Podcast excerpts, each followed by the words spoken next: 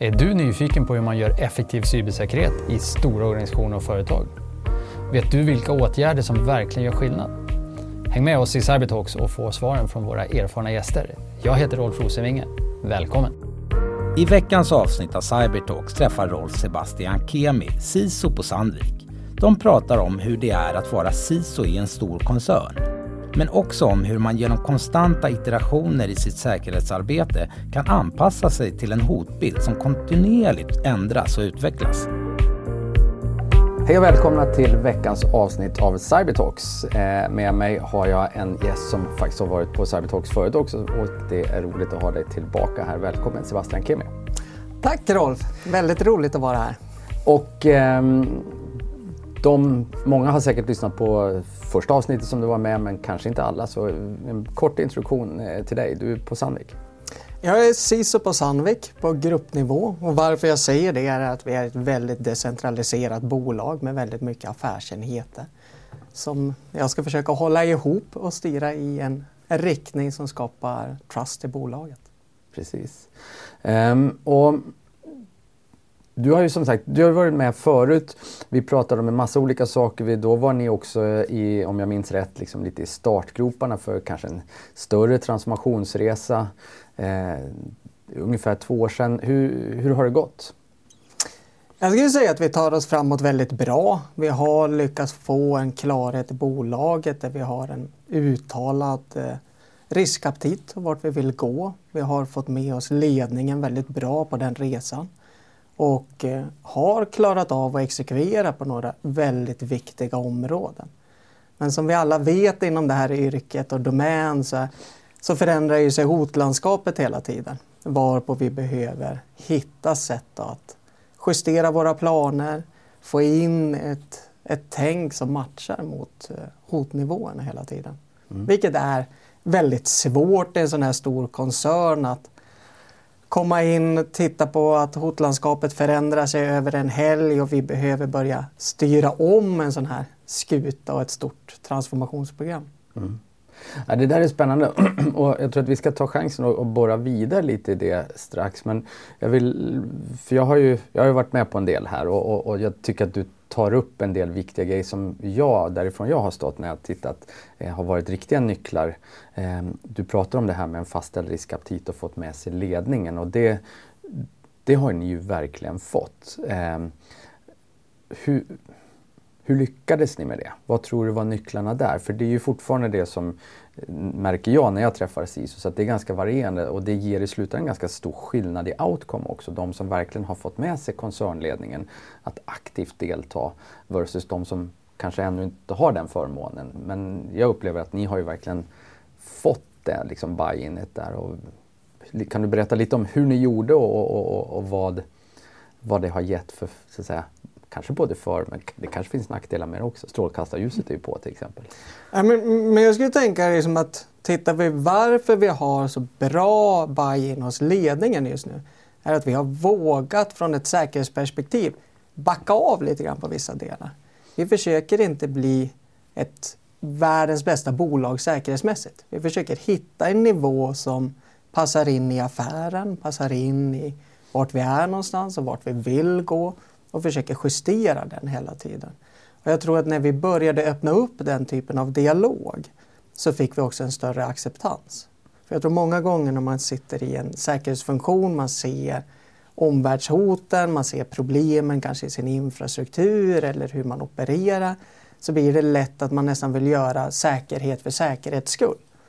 Vi har däremot vågat balansera den delen där vi fokuserar på några viktiga områden som vi tror att gör skillnad. Sen vet vi alla, vi kan aldrig vara 100% säkra i någonting utan det gäller ju att hitta en, en balans där vi tycker att vi fokuserar rätt och gör någonting som vi tror gör skillnad inom bolaget. Precis. Och jag tror att det där är superviktigt. Eh, så, alltså den, för det är ju egentligen det du pratar om. Det är ju ett mindset också från säkerhetsorganisationen. Alltså vad är vår uppgift och vad, eh, vad, vad, ska vi, hur långt ska vi sträcka oss och hur koncern ska vi vara? Ska vi vara mer koncern eller oroliga än vad koncernledningen är eller inte? Det är ju det är ju ändå de som ytterst är ansvariga. Jag tror att ni har hittat en ganska bra sätt att föra den dialogen. Eh, och, och, jag tror att du är inne på något viktigt också därför att vi som practitioners, vi förstår ju ofta vad alla de svagheterna som kan finnas i en organisation, vad de skulle kunna omsättas till. Och så kan vi ha lite svårt att sova på natten för det, för att vi tänker ju så. Ehm, och vi vill ju göra ett så bra jobb som möjligt. Men det är väl kanske lite där att försöka vrida den till att glaset är halvfullt eh, istället då, och, och se hur långt ni har kommit. Och att allt företagande är också att ta risk. Absolut, jag tror att vi ska titta på hur man kanske har jobbat med, med safety inom ett bolag eller inom ditt privatliv. Du skyddar ju inte dig mot alla risker. Utan du vill ju liksom hitta ett sätt där en risk kan inträffa men den har inte så stor påverkan. Det är lite liknande när jag är ute och cyklar mountainbike som jag gillar. Mm. Så jag tar ju risker hela tiden där. Man får ju välja, ska jag köra över min förmåga här? Våga ta det här hoppet eller någonting? Mm. Men hela tiden försöker jag hålla mig inom en gräns där jag kanske inte bryter fyra reben eller kraschar rejält. Mm. Men man lär ju hela tiden balansera den. Och det tror jag att vi behöver hitta inom säkerhetsområdet. Att vi förlikar oss med att arbeta på det sättet. För annars blir det nog enormt svårt att få acceptans i mm. vart vi är på väg. Ja, men jag håller med och jag tror att det, det är superviktigt det där som du säger. hur viktigt det är att bara mentalt som practitioner ta ombord att det finns risker som vi kan se men som man som kommer att materialisera sig. Det kommer att inträffa. Men vi ska kunna hantera liksom begränsa blast radius, för, för att mm. använda ett populärt uttryck, och så vidare. Men, men det kommer inträffa. Eh, och det är okej okay, inom riskaptiten på något sätt. Och det, det är en ganska spännande diskussion alltså i vårt community ibland. Ja, men jag tycker den förändringen samtidigt är välbehövlig. Att vi är okej okay med att en säkerhetsincident kan inträffa. Mm. Det gäller ju att vi limiterar eh, impacten på affären snarare än att vi försöker skydda oss mot allting som kan inträffa. Mm. För det kommer att inträffa saker och vi har hotaktörer som är uppsatta som stora bolag och har väldigt mycket kapacitet. Så någonstans kommer de alltid att, att ha en möjlighet att, att hitta in på bolag. Precis. Och, och, när vi ändå så att säga, börjar komma dit, för jag tycker det är en spännande diskussion också. Vi gör våran årliga liksom, threat outlook. Um, och, och, en av de sakerna som vi tog upp här inför 2023 var egentligen att men, nu går vi lite grann, lite förenklat, men vi går lite från en ganska ganska tydlig hotbild där ransomware har varit det dimensionerande hotet för de allra, allra flesta. Och så är det lite grann liksom på väg in, uppfattar vi, en, en, en liten ny värld, där, eller, eller utvecklad värld där det blir flera olika sorters risker. Och liksom data loss kommer och vi har eh, vi ser en hel del DDoS-attacker bara senaste kvartalet. Och så här. Är det där någonting som ni också följer, märker av och har, har tänkt kring eh, hotbildsutveckling? Ja, absolut, och vi ser ju hur, hur det skiftar sig. Både när vi tittar i den stora omvärlden inom säkerhet men även inom våran segment av affärer. Så blir det ju kanske också mer trigger på att nu är man inte bara ute efter att göra skada, en snabb affär, få in lite ransomware-pengar i det. Utan det finns mer långsiktiga motiv i det. Mm. Vilket gör det väldigt svårt att agera mot. Samtidigt ska vi komma ihåg att den hotbilden har ju funnits i den fysiska världen rätt länge inom bolag. Så det gäller också för oss på säkerhet att inte försöka uppfinna hjulet helt från nytt utan ta lärdom av hur man hanterade den i andra segment skulle jag säga. Ja. Nej, men, det är sant och det där är, jag tycker det, det där är ju spännande liksom hur man kan Eh, Eh, jag tror ju till exempel att vi behöver bli snabbare och ibland också kanske bättre på att, så att säga, väga in fler parametrar och faktorer i vad som händer i omvärlden. Eh, men nu har vi en ganska förändrad och ganska allvarligt förändrad liksom, omvärldsbild geopolitisk spänning och så vidare. Vi ser hela Rysslands krig i Ukraina men vi ser också ökande spänningar mellan USA och Kina och så vidare. Eh, och allt det där kommer ju också spela ut på något sätt även på cyberarenan. Eh, befinner sig de stora makterna till exempel Kina och, och USA liksom i, i en ökande spänning och där absolut teknologi kommer vara superviktigt men även ett råvarurace till exempel så kommer det till slut ju påverka även på cyberdomänen. Eh, och då måste man ju hitta sin egen, alltså vad, vilken, vilken plats har, har mitt företag, min organisation i den utvecklingen? Men det är ganska svårt. Eh, om man inte, men, eller hur, hur gör man tror du? Jag tror det är att man öppnar upp sig inom ja, men, säkerhetsdomänen och börjar prata mer med affären. Vad ser de som risker? Och hur, vilken typ av affärer gör man? Vilka kunder har man? Vad är känslig information eller av affärsvärde? För det kan vara väldigt lätt att tänka att min rd databas är det viktigaste jag har. Men i många fall kanske det är processen, hur du kommer fram med ett patent eller en ny lösning som är det viktiga. Så där tror jag att våga ta kontakt med affärsfolket. Mm. De som faktiskt gör saker inom bolaget. Det tror jag är en, ett, ett väldigt bra tips. Ehm, och eh, skapar ju också de där relationerna som man kanske behöver både för att få input men också för att få mandatet att själv exekvera. Så att, eh, klokt! Ehm, men du, tillbaks lite grann till transformationen som ni har varit i. Sandvik är ju också ett jättestort bolag och som du var inne på med, med, med eh, ganska liksom decentraliserad miljö med affärsenheter och så vidare. Hur, ehm, vad har varit framgångsfaktorer för er när, liksom, när, när ni har tänkt kring exekvering? Att göra en maturity build-up i ett sånt här stort bolag? För oss har det varit väldigt viktigt att dela upp arbetet och skapa en tydlighet på det. För även ifall vi har en väldigt decentraliserad affärsprocess så sitter vi ihop till många delar inom IT-landskapet. Vilket gör att vi har försökt dela lite grann på att vi har en gruppering som designar vad vi ska göra, tittar på analyserna och försöker få fram en roadmap. Och sen har man mer e- lokala exekveringsteam. Vi har ju gått lite fram och tillbaka i de där koncepten och försöka hitta rätt. Det vi har sett är, är enormt viktigt är att få med alla och få en förståelse för varför vi gör vissa saker. Annars kan det vara svårt för någon som sitter en bit ut i en organisation att verkligen förstå sense of urgency i en viss typ av aktivitet man lägger ut på dem. Så för oss har det varit väldigt mycket samtal, hålla webbinar eller liknande för att prata om de här förändringsresorna. Och i allt det där, jag tycker alltid att det är spännande också att fråga lite grann kring CISO-rollen. Ehm, så i den kontexten, vad blir CISO-rollen och hur har den liksom utvecklats för dig?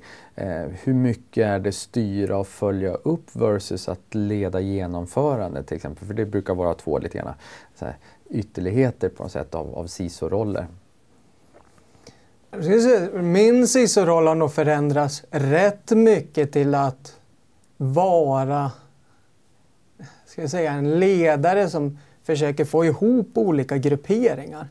Prata om just det här, varför vi gör det här, få en förståelse och, eh, och gå med, med flaggan först. Faktiskt, vi ska göra säkerhet, det här är viktigt, det är hit vi ska.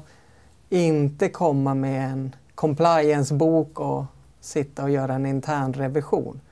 Utan istället skapa upp eh, liksom en, ett driv i organisationen. Att man tycker det är roligt att göra säkerhet också. Man får en energi, man hittar vägar att samarbeta på det. Så mycket mer av min tid idag går ut att sitta i samtal i olika grupperingar, föra ihop olika konstellationer och prata liksom om den här resan. Mm. Snarare än att jag är inne med en pekpinne eller skriver långa mejl om varför de ska gå åt höger eller vänster. Mm.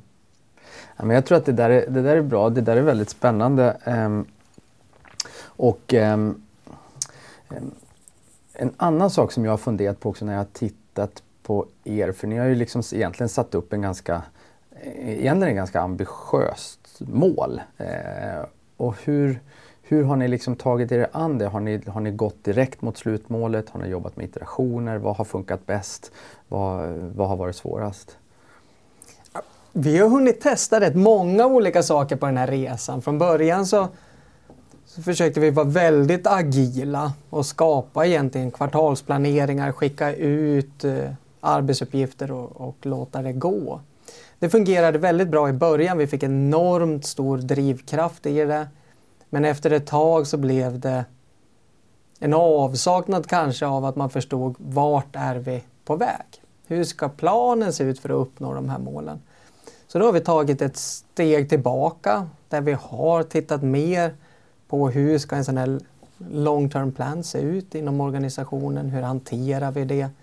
För att skapa en trygghet om att vi har förvisso planer som sträcker sig väldigt långt fram men vi gör samtidigt våra kvartalsrevisioner av dem i hanteringen. För annars är det som vi var inne på tidigare, hotlandskapet förändrar sig. Bara för att vi tyckte att någonting var bra för två år sedan är, betyder inte det att det är rätt idag. Så där är det ju viktigt för oss att hela tiden hålla de här delarna där vi verifierar att våra planer är fortfarande korrekta. Mm. Och det där tycker jag är spännande för det är ju egentligen ett litet uppfattar jag om jag jämför liksom historiskt. Det är ju ett litet nytt arbetssätt att, att liksom staka ut ett långsiktigt mål men sen faktiskt liksom kalibrera ganska ofta. Jag tror att det är och det var också en av anledningarna till att jag tycker att det är spännande att ha dig här. För det tycker jag ni har gjort väldigt, väldigt bra.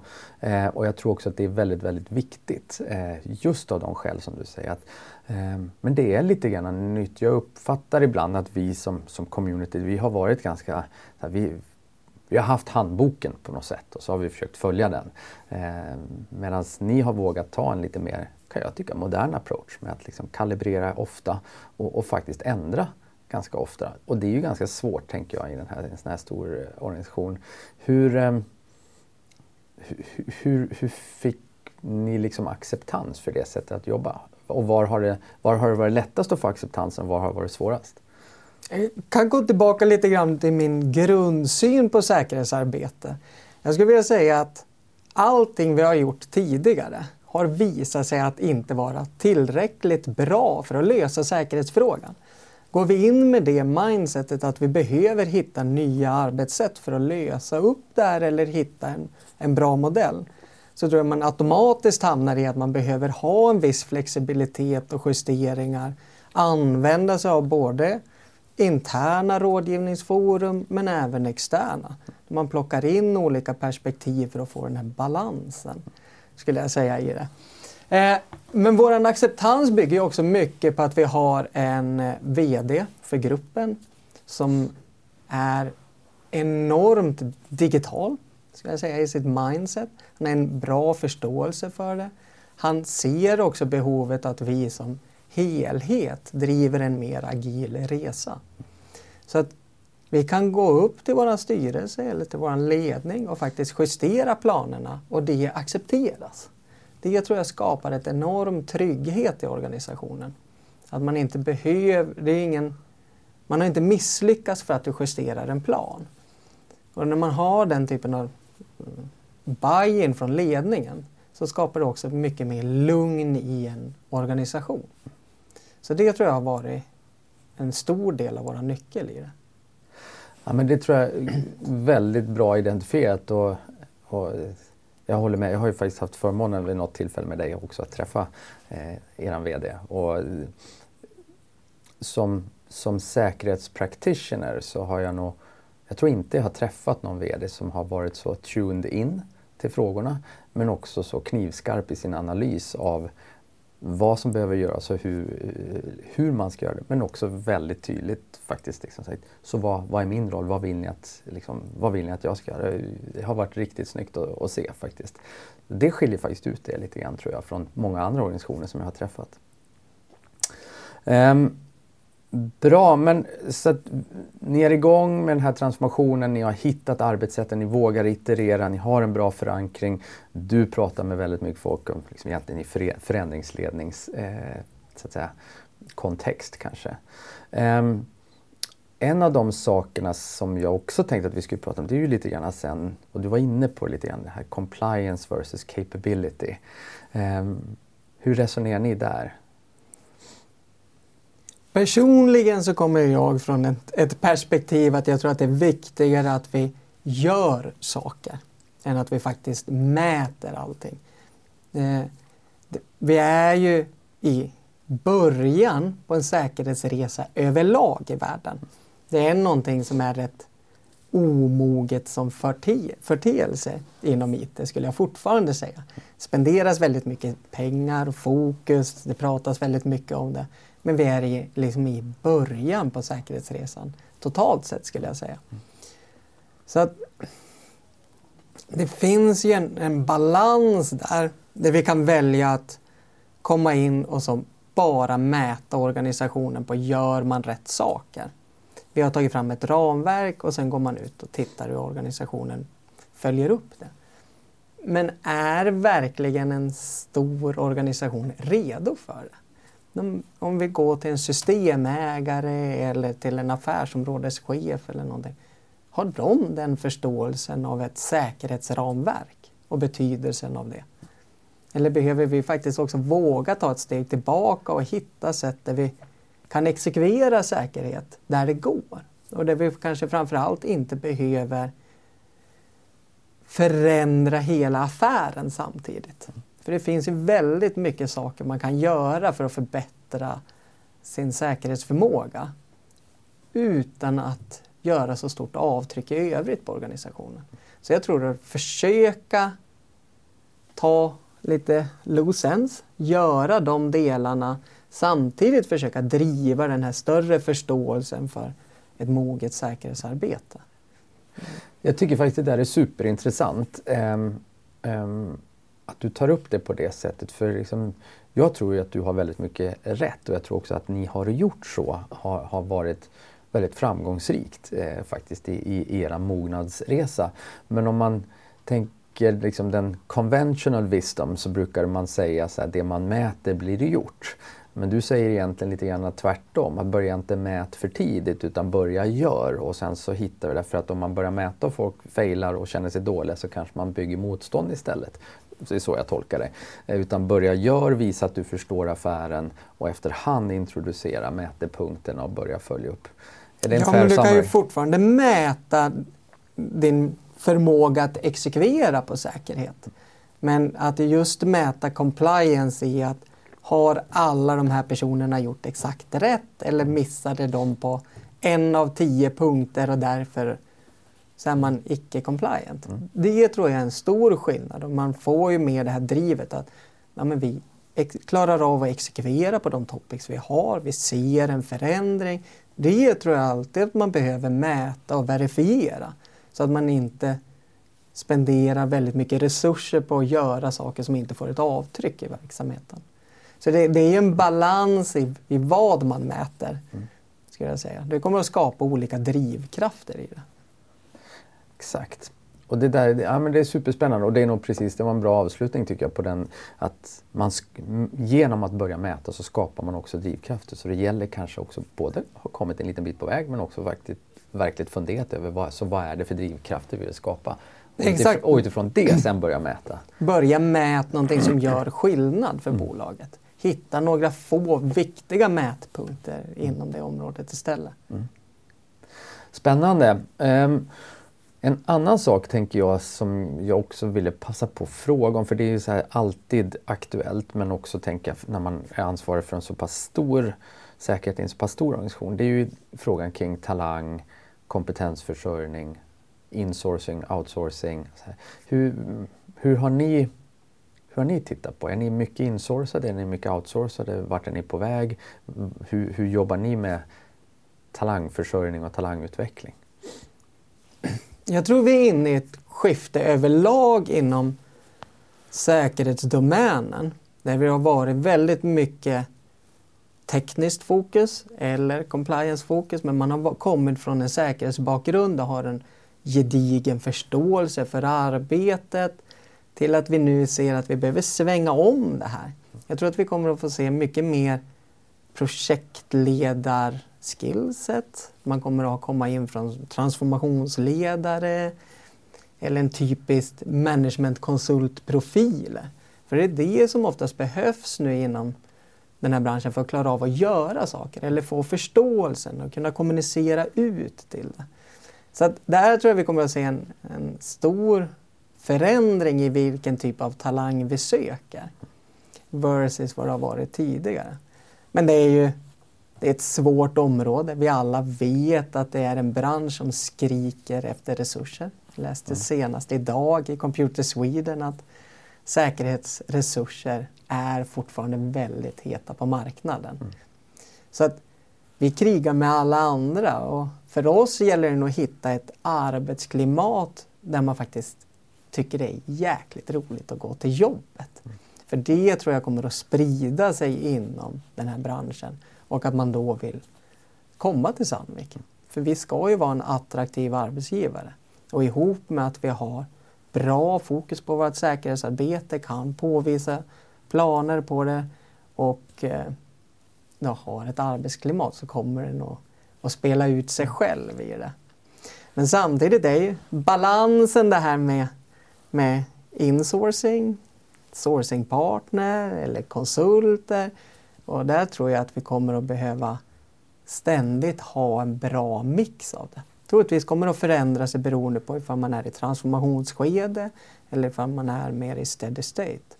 Men vi måste våga öppna upp och ha väldigt mycket partnerdialoger med olika säkerhetsföretag eller konsultfirmor.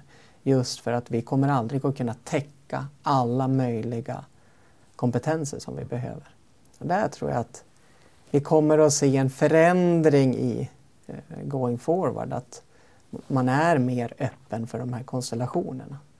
Jag betraktar ju fortfarande alla som arbetar för Sandvik inom säkerhetsområdet som våra resurser i det. Jag gör inte så stor skillnad ifall det är en konsult eller en partner som är inne och levererar en tjänst. Alla ska känna att man är här för Sandviks bästa. Och där tycker jag att ni har varit väldigt modiga eh, faktiskt jämfört med, med, en hel del andra. Att, att våga ta det mindset och, och jag uppfattar att därifrån jag står att det är väldigt genuint. Eh, att, att det är så ni tänker. Eh, och, och det måste jag nog säga därifrån jag står, där upplever nog jag att ni är väldigt långt fram i tanken just det att ingen kan lösa allt men det handlar om att skapa ett ekosystem som jobbar för en.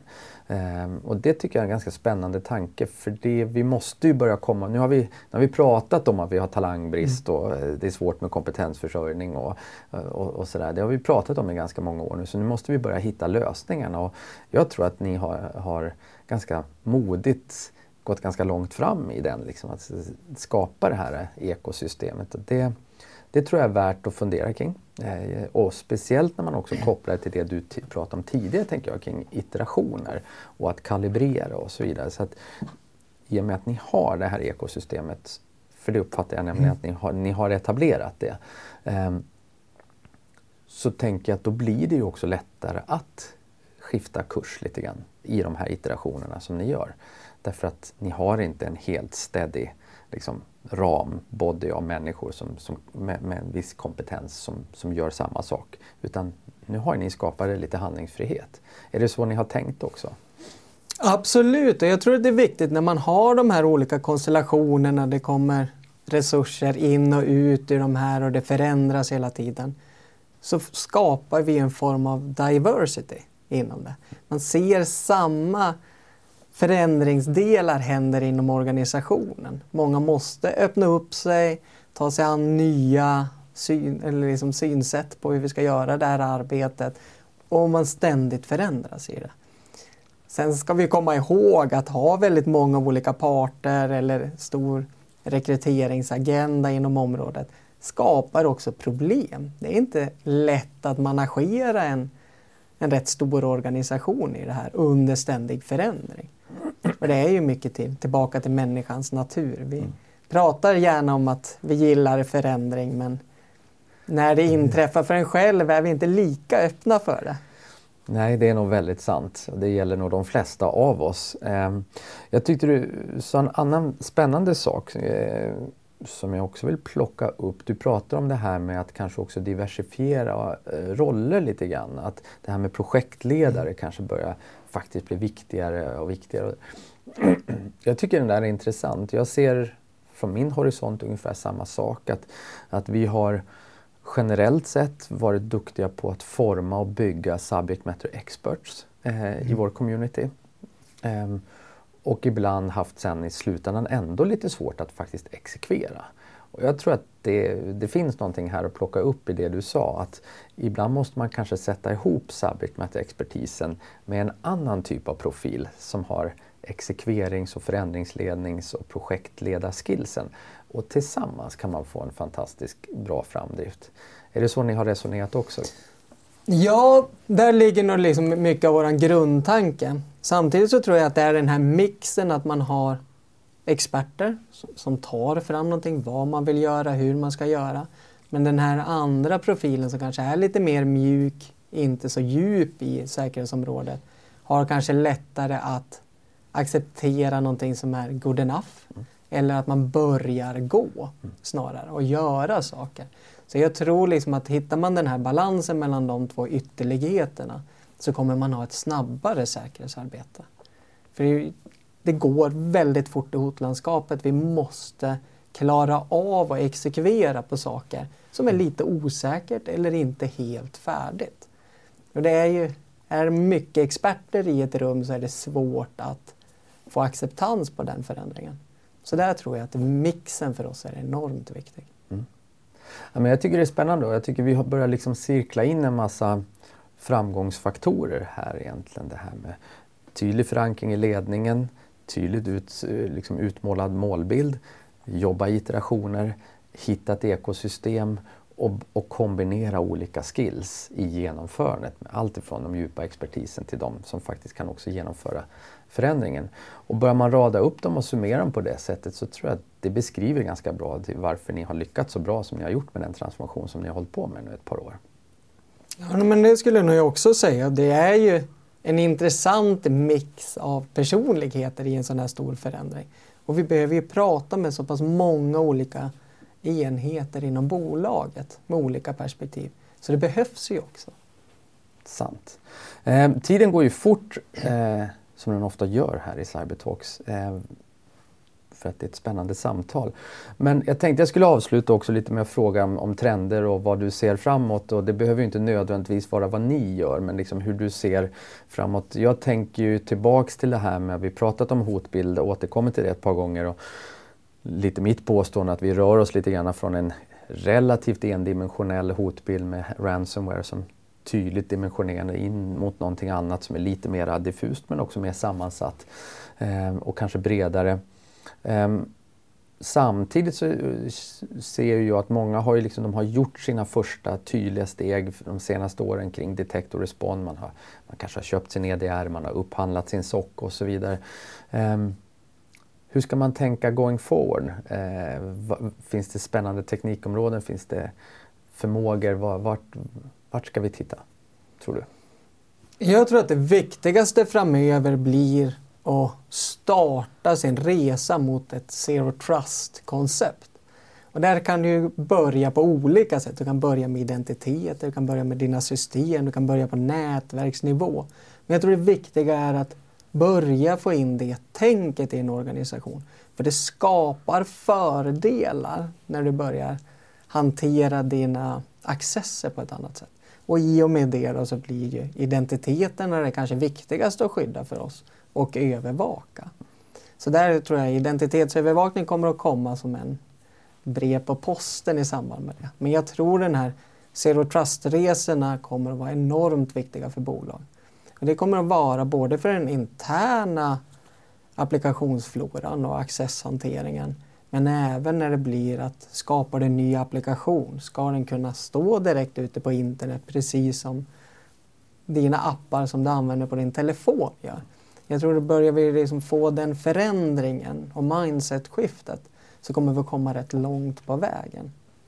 Men det är väl en bråkig och krokig resa det också tänker jag. Men, men jag tror väldigt mycket på konceptet att gå mot ett zero trust-tänk.